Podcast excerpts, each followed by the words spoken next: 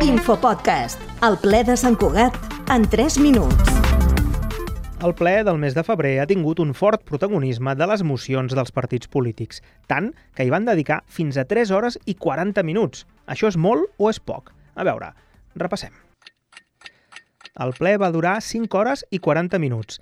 En els primers 40 minuts van votar i donar compte dels 15 punts ordinaris previstos. Després van dedicar 3 hores i 40 minuts més a les 7 mocions dels partits, de les quals, per cert, només en van aprovar una. Després, 20 minuts per a l'audiència pública i una hora per als pregs i preguntes dels regidors de l'oposició. El ple va començar a les 3 de la tarda i va acabar passats dos quarts de nou.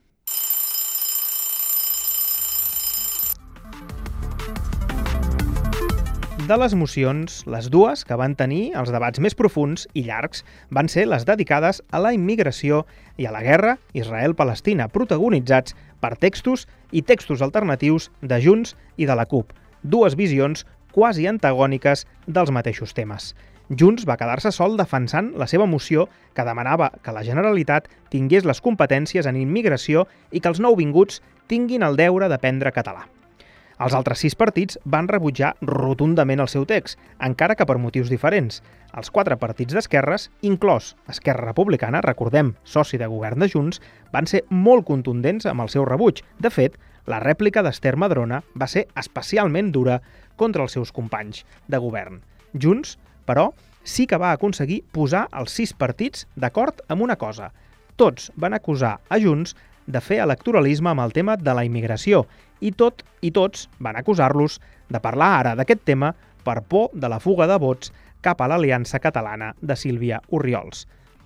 Una altra moció que va generar debat, i molt, és, el que va, és la que va presentar la CUP en nom de l'entitat Sant Cugat per Palestina, que demanava l'alto al foc a Gaza i la condemna de l'actuació del govern d'Israel. Això sí, el text no condemnava l'atac de Hamas el 7 d'octubre. Junts va respondre amb una moció alternativa per tal, com va dir Brugueroles, de fixar la posició de l'Ajuntament en aquest tema. El tinent d'alcaldia va ser molt criticat durant la defensa d'aquest text per frases com aquesta.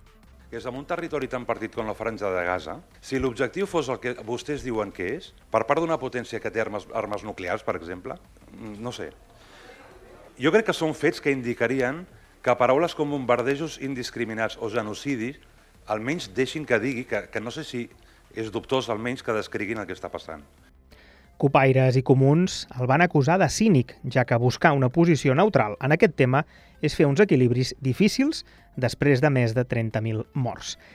I després d'un debat intens, en presència de membres de Sant Cugat per Palestina a la sala de plens, la CUP va decidir retirar la moció perquè sabien que no s'hauria aprovat i, per tant, tampoc es va votar la moció de Junts.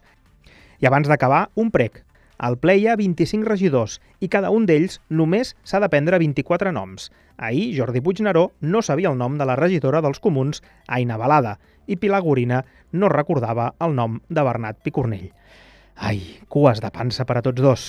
L'Infopodcast és una coproducció de Ràdio Sant Cugat i la xarxa.